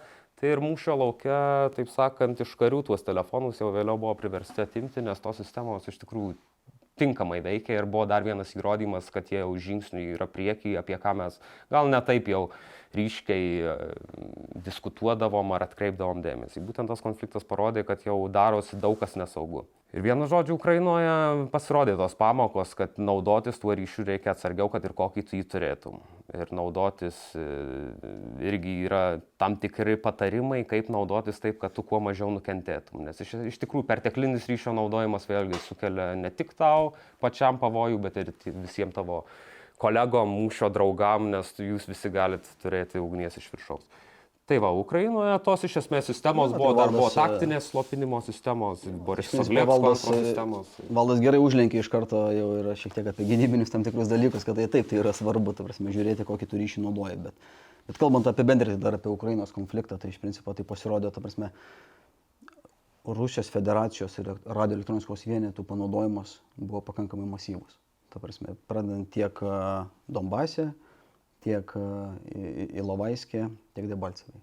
Iš principo, galbūt šiek tiek skiriasi kiekvienoje vietoje, sakykime, bet e, jų, jų pagrindinis tikslas buvo tai užfiksuoti taikinį, kad ir kokias priemonės turėtų. Ta prasme, užfiksuoja taikinį su radio stotim, jeigu ukrainiečiai išjungia radio stotis, tas senasias, kaip Volas minėjo, tada jie susigaudo, reiškia, kitas ryšio priemonės. Tai reiškia, užfiksuoja ir naikina būtent. Ir naikina, reiškia, artilerijos pagalba arba kitomis priemonėmis. Papildomai, sakykime, tos išgyvenusius mobilius telefonus, jau, sakykime, buvo minėtas tam tikras psichologinis efektas, ateidavo tam tikros demoralizuojančios SMS žinutės šitą vietą. Tai vat, jų naudojimas, panaudojant skirtingą techniką, buvo toks. Technikos išdėstymas vėlgi, ta prasme, buvo stebėtas skirtingas, kurie buvo išsidėstyti, tam tikri taktiniai elementai buvo išsidėstyti e, radio elektroninės kovos, nes 1-3 km, sakykime, nuo aktyvių mūšio pozicijų. E, ta pati, sakykime, Krasuha, Šipovnikas, e, reiškia, kitos priemonės netgi buvo nuo 60 iki 240 km ir, dalinai netgi būdavo Rusijos federacijos teritorija tam tikri vienetai. Ir ta prasme, taip, taip, tai buvo pakankamai didelė operacija ir didelis testavimas elektroninės kovos kas, kas matėsi iš principo, ypatingai turbūt e, Donbase, iš, iš, sakykime, tiek Rusijos, tiek separatistų pusės, kad e, labai mobilios taktinės grupės elektroninės kovos buvo. Ta prasme, jie padaro tam tikrą efektą, juda toliau, padaro tam tikrą efektą, juda toliau, neužsibūna. Nes jeigu, sakykime, priešininkas vėlgi turi spektro analizę ir mato, mato kur tu esi, tu greičiausiai ilgai tenais ne, nepabūsi iš tikrųjų. Tai, ta prasme, tas pakankamai matėsi aiškiai ir, ir ko pasikoja atsirado nauji elektroninės kovos algoritmai, ta prasme turiu minti procedūros pas juos. Ir, ir vėlgi po viso šito Rusijoje, nežinau, susiję tai ar nesusiję, pasirodė elektroninės kovos, reiškia, menuos arba vadovėlis. Rusijos. būtent, jo, Rusijoje būtent pasirodė, tai principė testuojama ne tik įranga, bet ir procedūros ir tam tikra organizacija. Uh, Nu, jo, čia skirtingai. Tai pareiškimai šiaip tokie, nu, kur verčia susimastyti turbūt.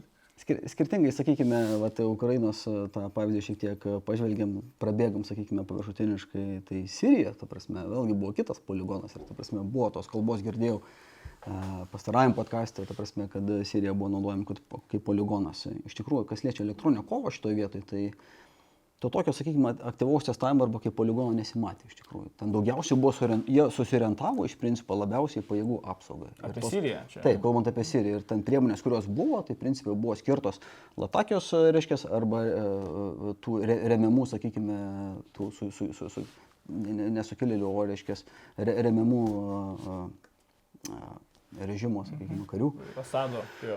Asado karių, sakykime, apsaugai. Ir tenais e, buvo taip, ta prasme, krasuha sistema, kuri tenais neaišku, ką padarė, yra netgi spėjama, kad galbūt jinai labiau rinko informaciją apie, reiškia, sąjungininkų arba vakarų valstybių tam tikrus uh, parametrinius duomenis arba spinduliuoti šaltinius, nes, ta prasme, elektroninėje kovoje, kas yra svarbu, tai turėti tą duomenų bazę. Žinai, kad kai tu užpelinguoji kažkokį šaltinį, tau reikia su duomenų bazė sumečinti, sakykime, tą elektromagnetinį parašą ir tu matai, kokia tai yra platforma. Iš principo, oro paėgos atiduoda, reiškia, ypatingai keturi D, reiškia, tą paveiksliuką. Tai šitoje vietoje buvo krasuka, kažkokia vadmesenas, nemačiau, kai jinai buvo, lab, labiau gal jie tenais naudoja vėlgi tos kibinai ant, ant Suhoj orlaivių 30, 34, 35 tenais turėjo užsidėję, ta, sakykime, bet vėlgi tai labiau panašu, kad savo, reiškia, platformą apsaugai, nes kibinai yra naudojama labiau savo platformą apsaugai o, o ne kažkokiam testavimui. Jeigu tai būtų buvęs testavimas, tai turbūt e, jie būtų užsidėję gal tarantulą, kuris kaip ir, ta prasme, panašu, kad būtų sekantis, sakykime, e, reiškia, gal, galbūt netgi pakeistų ateityje kibinus, ne, nežinau, ta prasme, trūksta man čia informacijos. Bet ne, nesimatė to, sakykime, taip pat. O Ukraina, tai, vat, sakykime, taip, taip, ta prasme, labai puikiai pasimatė, rezumuojant šitą e, elektroninės, reiškia, kovos panaudojimas. Valdai, apie Siriją. Apie Siriją, iš, iš tikrųjų, Jeigu aš neklystu, tai Kmeimim tokia oro bazė buvo, kur ten būtent pamatyti ir ta krasuha ketvirta stovinti, ten pavyzdžiui tokie šaltiniai kaip Twitteris dažnai išlyzdavo, kad nufotografuota viena ar kita yra įranga, tai būtent ten buvo ir Krasucha ketvirta S pastatyta ant kalno, kuri deklaruojama, kad nu, iš tikrųjų naikintuvų radarams slopinti, bet jinai, ta prasme, bet kokią slopinimo sistemą atlieka ir žvalgybą ir informacijos rinkimą, kaip ir majoras Kardelis minėjo.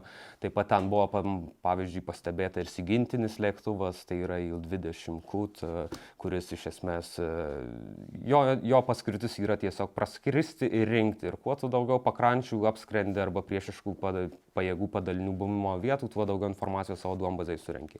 Ten buvo matyta ir Il-22 PP porūkščik. Džemeris, naujas lėktuvas irgi ant civilinio orlaivio bazės iš esmės e, su slopinimo pajėgumu, kurių iš tikrųjų yra labai nedaug. Jisai toksai eksperimentinis, bet tačiau mačiau iš palydovinių nuotraukų, kad jis irgi buvo toj pačioj oro bazai. Buvo ir Tu-214R, kuris turėtų pakeisti tą seną sigintinį lėktuvą, tik dabar ant reaktyvinio, ne propelerinio lėktuvo bazės perkelta, irgi ten matyta.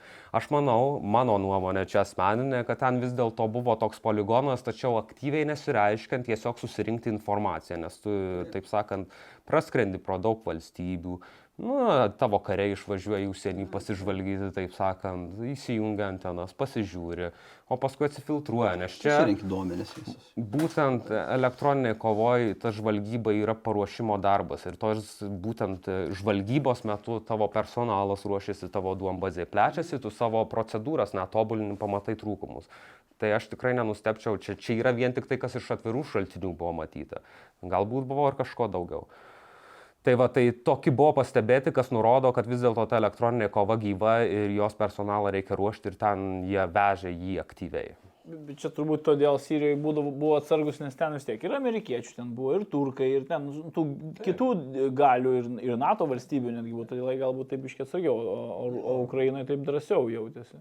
Taip, Uk Ukrainoje, kadangi, taip sakant, NATO bloko šalių ten taip giliai nėra ir tuo labiau pradžioje konflikto, kai dar nebuvo visi gal taip apsisprendę, kas ten vyksta. Panašu, tai ten kad buvo. Tai buvo turbūt, e, panašu, kad kitas operacinis rajonas su kitais tikslais, turbūt. Tiek, žinai. O, o koks, o matosi, gal jūs pastebėt tobulėjimą arba kažkokį, į, e, na, pokytį, vat, lyginant 14, ten pradžią ir tiek Siriją, ir, ir vat, pastaruosius metus? Ar yra kažkoks, e, tarkim, ar, ar, ar galbūt netaip aktyviai jau dabar naudoja, gal ten išbandė ir, ir atitraukė viską? Ar kaip, ar kažkokius naujus, vat, man, ar patvi, ten, pagal tą vadovėlį, ar dabar dar tikrina jį antrą, antrą leidimą, ar išleis ar ne? Na, iš principo, kas yra stebima ir matosi atvirose šaltiniuose, kad jie vis gauna vis naujus, sakykime, analogų neturinčius tam, tam tikras priemonės į ginkluotę, e, stebimas jų atnaujinimas, e, sakykime, priimkime tą, sakykime, Ukrainos pavyzdį kaip po poligono ir iš to vietoje pasitobulino procedūras, kaip ir sakiau, išsileido vadovėlį. E, Sunku pasakyti iš tikrųjų, kas dar verda pas jos virtuvėje šitoje vietoje, nebūnant tenais iš tikrųjų, bet, e, bet tas, kas, kas matoma iš tikrųjų, tai jie ir, ir toliau, ta prasme, masažuoja tą elektromagnetinį spektrą, kažkiek tai, sakykime, ir to suslopinimo yra. Valdai gal dar Iš esmės, pastaraisiais metais aš e, šiek tiek į tą taktinį lygį buvau nusileidęs, tai tą e, tokių atvirų šaltinių analizės netiek buvau atlikęs, tačiau aš nemanau, kad jie stabdys šito pajėgumo plėtrą, kadangi ir jų pagal jų tai planus iki 25 jie ten nori ir atskirti, ir pabaigti tą modernizaciją, tai išlenda vis spaudoje pranešimų, kad tiek ir tiek įrangos vienetų pristatyta į padalinius. Ir, ir aš manau, kad e, čia jie tikrai Ta prasme, elektroninė kova savo reikšmės taip staigiai nepraras, nebent nežinau. vienareikšmiškai tai, Tai- tai- tai vienareikšmiškai viskas nepraras, tai vyksta čia tam. tiesiog. Žiūrėkit, ultragarsiniai ir tie lazeriniai ginklai, ar buvo kažkas tokio naudojama, kažkur išbandyta, ar ne, Ukrainoje ir, ir Sirijoje? Ne, dėl ultragarsinių nieko negaliu atsakyti, a, lazerinių ginklų taipogi nieko Tai nepasakysiu. elektroninė kova. Gerai. Arba tai Ne, slapta. ne, lazeris tenais, elektroniniai e, jau Jo, bet tenais ne, ne, nemačiau tenais, sakykime, to, tokių, tokių Supratau. panaudojimo. O, o va, Kalnų Karabachas čia dabar irgi nuskambėjo neseniai. Ar ten buvo kokių pėdsakų elektroninės kovos? Ar ten, aišku, ten Rusijos kaip ir, ten ich tam nėtų kaip visą laiką, bet e, ten, aišku, azerai ir, ir armenai daugiau daužėsi, bet ar nebuvo ant dronų gal kažkokių vat, e, Ten iš- prieš dronus vėl, vėlgi, taigi ir Ukrainai, Ukraina tikrai naudoja dažnai. tos, Kas man atmintyje užstrigo, tai būtent e, tokia Repellent 1 sistema, kuri buvo dronų sunaikinta, nors buvo deklaruojama, kad jinai antidroninė, būtent žvalgybinė, fiksuoja ir juos perima ir nuleidžia. Žinoma, ta sistema pritaikyta dažniausiai mažo, sakykime, mažų rusų? dimensijų. Čia yra rusų gamybos, kiek man žinoma, ir Baltarusija ją e, gauna, turi. A, Ir ta sistema buvo sunaikinta būtent e, pradžioj, man atrodo. Jo, turkiškų.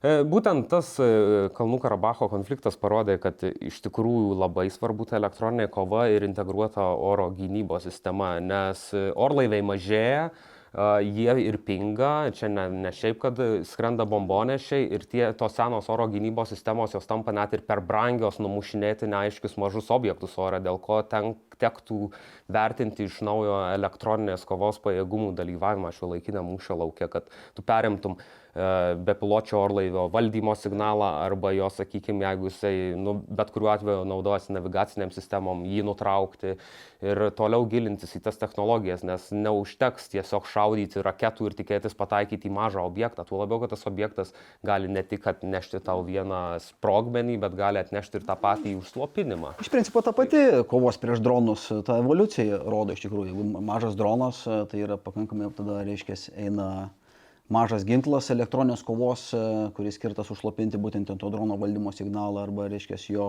GPS signalą, tai jis dažniausiai būna skirtas karinių teritorijų arba stelkimo rajono kažkokiai apsaugai.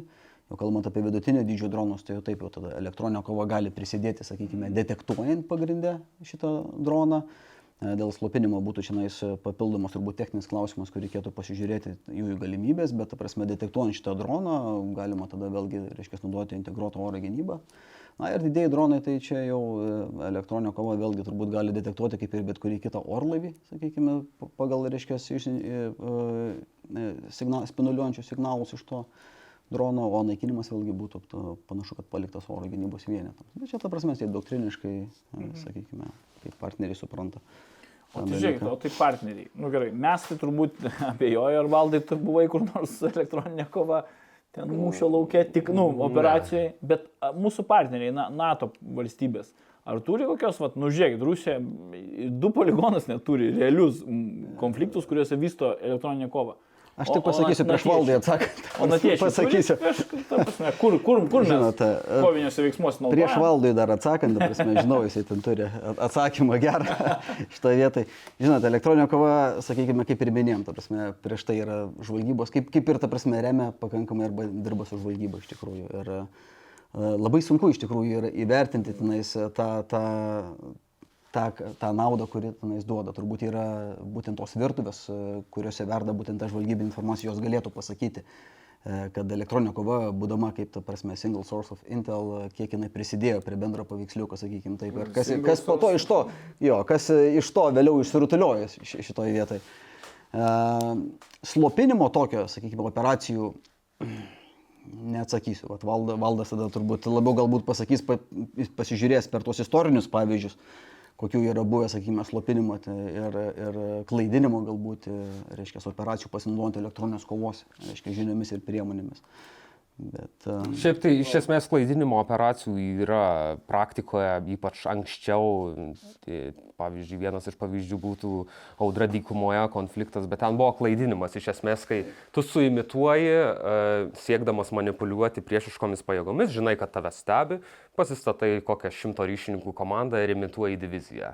Ten buvo padarytas tas, kad suimitavo diviziją, pripūtė tankų, primėtė lapelių, kad pasiduokit mes iš šitos pusės pulsim ir tiesiog padarė kablį. Tai ten, ką darė, tai e, būtent elektroninės kovos specialistai iš esmės imitavo, kad susisiekinėja padaliniai, persidislokuoja padaliniai, a, tarsi, kad netyčia juos pagautų, bet iš tikrųjų tai buvo sąmoningas būtent klaidinimo, elektroninės kovos atakos e, dalis. Taip, ir, taip, ir irakiečiai turėdami labai stiprią tą signalų žvalgybą, sakykime, šitoje vietoje, tai jie pagavo tą kabliuką iš tikrųjų. Pasimojo. Jo, ir nesitikėjo. O, o tikras padalinys buvo visai kitur. ir juda kitur. Vis, judėjo visai kitur. A, Dėl šiuo laikinių konfliktų visų pirma, tai žinoma, čia yra, taip sakant, kaip ir minėjo, ne tik duombazės tokios, e, apie jas nediskutuojama per daug, tačiau ir tie aktyvūs veiksmai. Tuo labiau, kad mes nesam linkę, aš tiksliau turiu galvoj, kad NATO valstybės, kad demonstruoti tos jėgos ir bandyti, taip sakant, tam tikrus e, kitus, kitas valstybės slopinti, nes tai būtų labai toksai įdomus,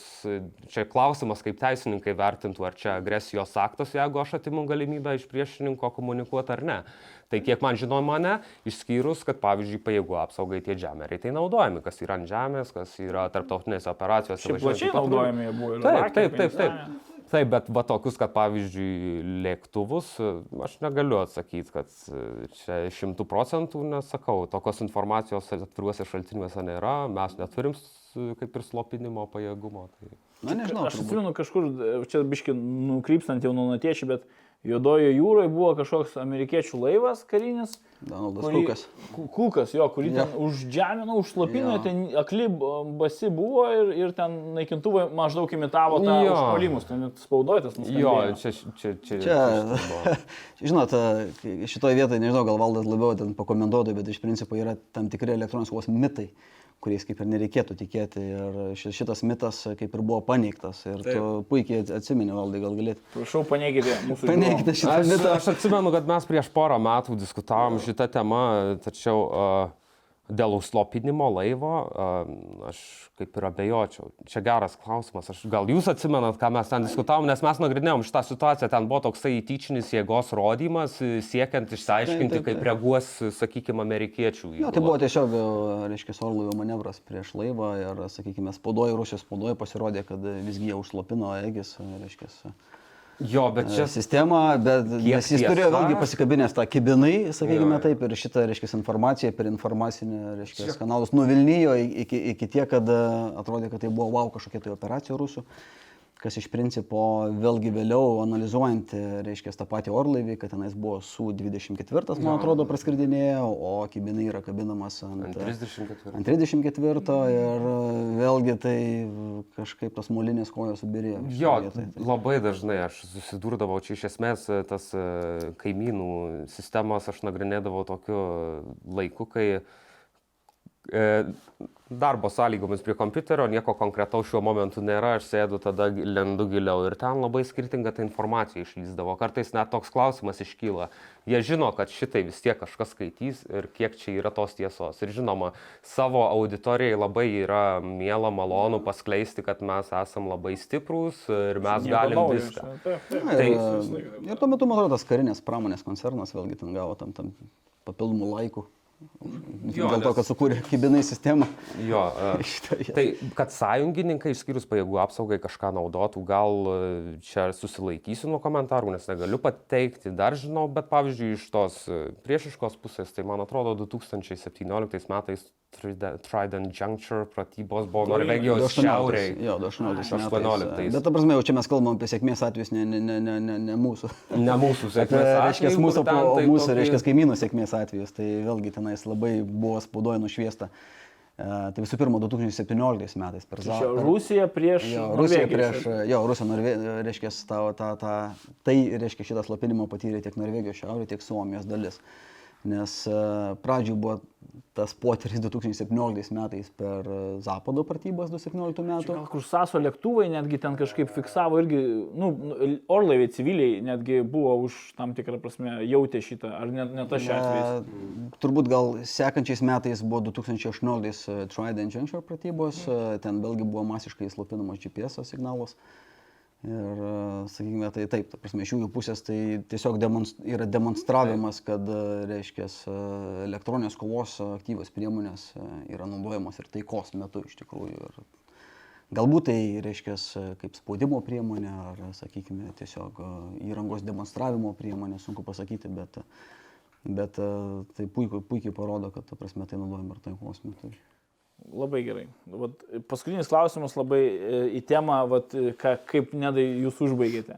Tai aš atsimenu, kai buvau kopos vadas, mes turėdom irgi ryšio procedūras, ten vėlgi, kurių turim laikytis, e, tam tikrų dalykų, bet kaip, kaip visgi apsisaugoti nuo to, nuo tos elektroninės kovos, nuo tos spinduliuotės, ar ten nu, mobiliųjų telefonų nenaudoti, ne? Jau čia jau vienas iš faktų.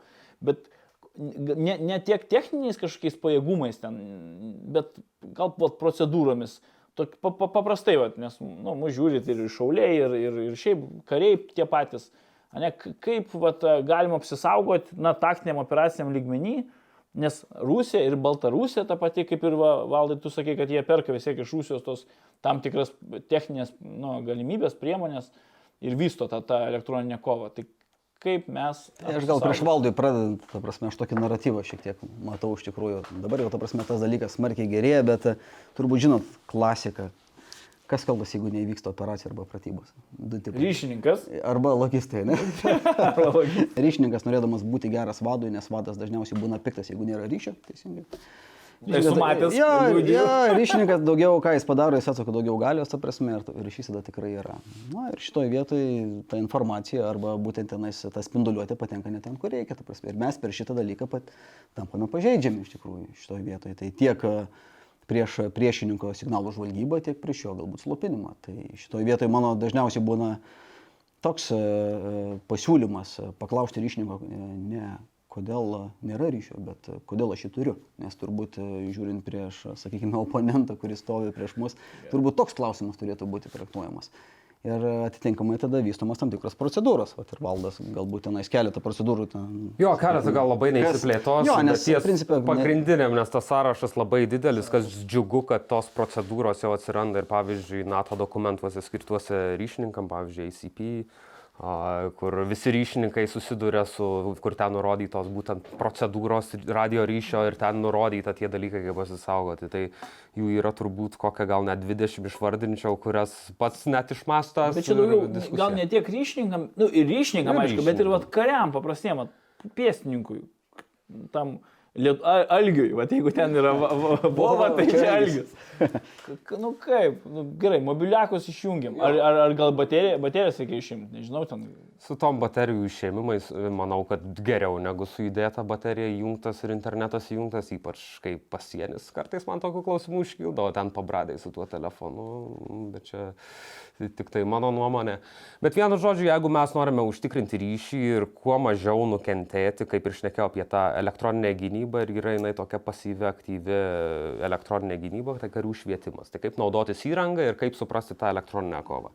Tai iš esmės, kaip ir majoras Kardalis paminėjo, kad visų pirma reikėtų apsvarstyti variantą nevartoti visą laiką, nenaudoti radio stoties ant didžiausio galingumo, nes atseit čia geriausiai sklinda, nes taip, tu teisus, kary čia geriausiai sklinda, bet sklinda labai toli ir gal net kartais per toli, nes reikia įvertinti, su kuo mes norime kalbėti. Tai reikėtų įvertinus atstumą ryšio kokybę stengtis nenaudoti būtent pernelyg galingo e, transliavimo, ar ne? Taip pat atkreipti dėmesį į reliefo sąlygas. Galbūt aš ryšio neturiu, jeigu aš ryšininkas, nes aš pavyzdžiui esu už kalno ir aš noriu susisiekti su padaliniais esančiais nugarojo, čia už manęs yra reliefas kalvotas, pavyzdžiui. Irgi gali būti. Pagalvo, gal ryšininkas, gal ar jeigu tu nori kokybiško ryšio, kad gal reikėtų užlipti ant kalvos, įvertinti savo anteną ir panašiai. Ir svarbu vartoti, pavyzdžiui, naudoti, kas yra dabar moderniuose Haris handhelduose stotelėse, tai būtent raktus visada užsidėti, nes aš pats matau. Jeigu su raktu, tu atpažįsti, kad čia Hario, kario stotelė, Haris su raktu iš jau, kai tu pamatai analizatoriui. Bet į turinį lyst neturi laiko iš esmės ir yra pernelyg sudėtinga, ypač taktiniam lygmenį. Tai naudoti, kas yra stotelėm duota. Tos stotys nebereikalo tokios duotos, nebereikalo jos tiek kainuoja, nes kariai žino, kiek stotis kainuoja, nes sako, pamesi šitą, skolingas tiek. Tai e, tos stotys turi daug funkcijų, reikia nepabijoti pasigilinti į tas funkcijas, nes vienas iš dalykų, ką NATO daro šalys, tai yra rūpinasi, kad radio stotys būtų atsparios žeminimui. Čia visą laiką pamini kaip didelį pliusą, nes supranta, kad jos bus žeminamos. Čia nebus, kad tiesiog plikam laukia vakume mes visi išnekėsim. Taigi įvertinti, kokius mum e, režimus, e, modulacijas gali pasiūlyti radio stotis. Toliau norėčiau atkreipti dėmesį, kad e, netgi vadovaujanti grandinė, tai yra kas vadovauja ryšių įsakymo sudarime, pavyzdžiui, būro ryšininkas, aišku, jis gauna iš šešeto tą informaciją, bet visą laiką panagrinėti, kiek mes norim turėti dažnių, nes dažniausiai pratybos aš pastebėjau išvažiuojama taip. Suprogramuotos visos stotys. Pagrindinis atsarginis. Naudojasi tuo pagrindiniu. Ok, jį užslopino, dėl kažkokių priežasčių neveikia, ar ne, ryšys ir daro procedūrą, keičiam dažnį į tą. Ir jeigu tą užslopino, nes jeigu tą pirmą užslopino, tai kad antrą užslopins, tai aš duodu beveik šimtą procentų, jeigu jie norėjo slopinti, pažiūrės, o, čia iššoko, gerai, čia slopinom, viskas. Kas tada, ką toliau darom? pasiuntiniai. Tai va, vienu žodžiu reikėtų įvertinti, kiek mes norim turėti dažnių kiek norim turėti dažnių ir ar mes norime jas visas į supūsti. O tas stotis kontakto atveju dar gali ir pas prieš atsidurti, tai tada iš viso labai lengva klausyti perdavimus. Toliau naudotis radio procedūromis, kurios yra nebereikalo sugalvotos. Jos sugalvotos tam, kad mūsų, mes vieni kitus tinkamai suprastumėm ir neatskleistumėm per daug informacijos. Kodiniai žodžiai kažkokie, ne? Kodiniai žodžiai taip pat kitas niuansas labai svarbus, nes kodiniai žodžiai, jeigu tu prieš užduotį su savo kariais susitarsit, tai tik jūs ir žinosit, o jums svarbiausia efektyviai komunikuoti. Jeigu ten išgirs priešiškų pajėgų kažkoks va, elektronščikas sėdi, aha, jis ten gal lietuviškai net kažkoks išmokintas ar kažką, klausimas čia, klauso, aha, braškė. Kas ta braškė, nu okei, okay, sėdim toliau, o ta braškė galbūt reiškia, kad pradedam užduotį arba nutraukimo kriterijai. Tie žodžiai yra labai svarbu. Uh, Toliau yra svarbu naudotis, pavyzdžiui, jeigu turime kryptinės antenas, naudoti kryptinės antenas. Jeigu mes uh, Žinoma, dar yra toks saugiklis, kad e, ginkluoto konflikto atveju turėtų būti išduodami dažnai, kurie niekada nebuvo per pratybas naudojami. Ir taip toliau. Ir, ir iš esmės atpažinti, kas tai yra slopinimas. Nekalbėti, ko nenorėtum, kad priešas girdėti. Daryti prezumciją, kad tu iš tikrųjų gali būti bet kada pasiklausomas, neperdavinėti atvirų kodų, atvirų tekstų informacijos ir taip toliau. Ir iš tikrųjų norėčiau pasiūlyti, buvo jūsų puslapyje patalpinta atmintinė, kuri labai neblogai atspindėjo taip, taip. būtent tuos, ką ryšininkas turėtų daryti šiais atvejais, nes aš realiai tik tai pasikartočiau tuo, kas parašyta. Jeigu norite būti saugesni, neužslopinti ir negauti netiesioginės ugnies, įvertinkite tai, pasitelkite protą ir tiesiog ir turėtų būti daug geriau. Taip. Kuo daugiau ryšio tylos, jo. tuo yra geriau. Kuo daugiau procedūrų ir veiksmų mes sugebam atlikti ryšio tyloje, turbūt konvencininkai, tuo yra geriau. Tiesiog papildant valdą, ką jis pasakė. Amen, turbūt reikėtų pasakyti. Čia kaip tėvė mūsų iš viso. Nu, nes, tai ačiū labai kolegos už, už jūsų, jūsų laiką, už jūsų žinias ir viską, ką papasakojot mūsų žiūrovams. Tai dėkui, mėly žiūrovai, ir susimatysime kitose podkastuose.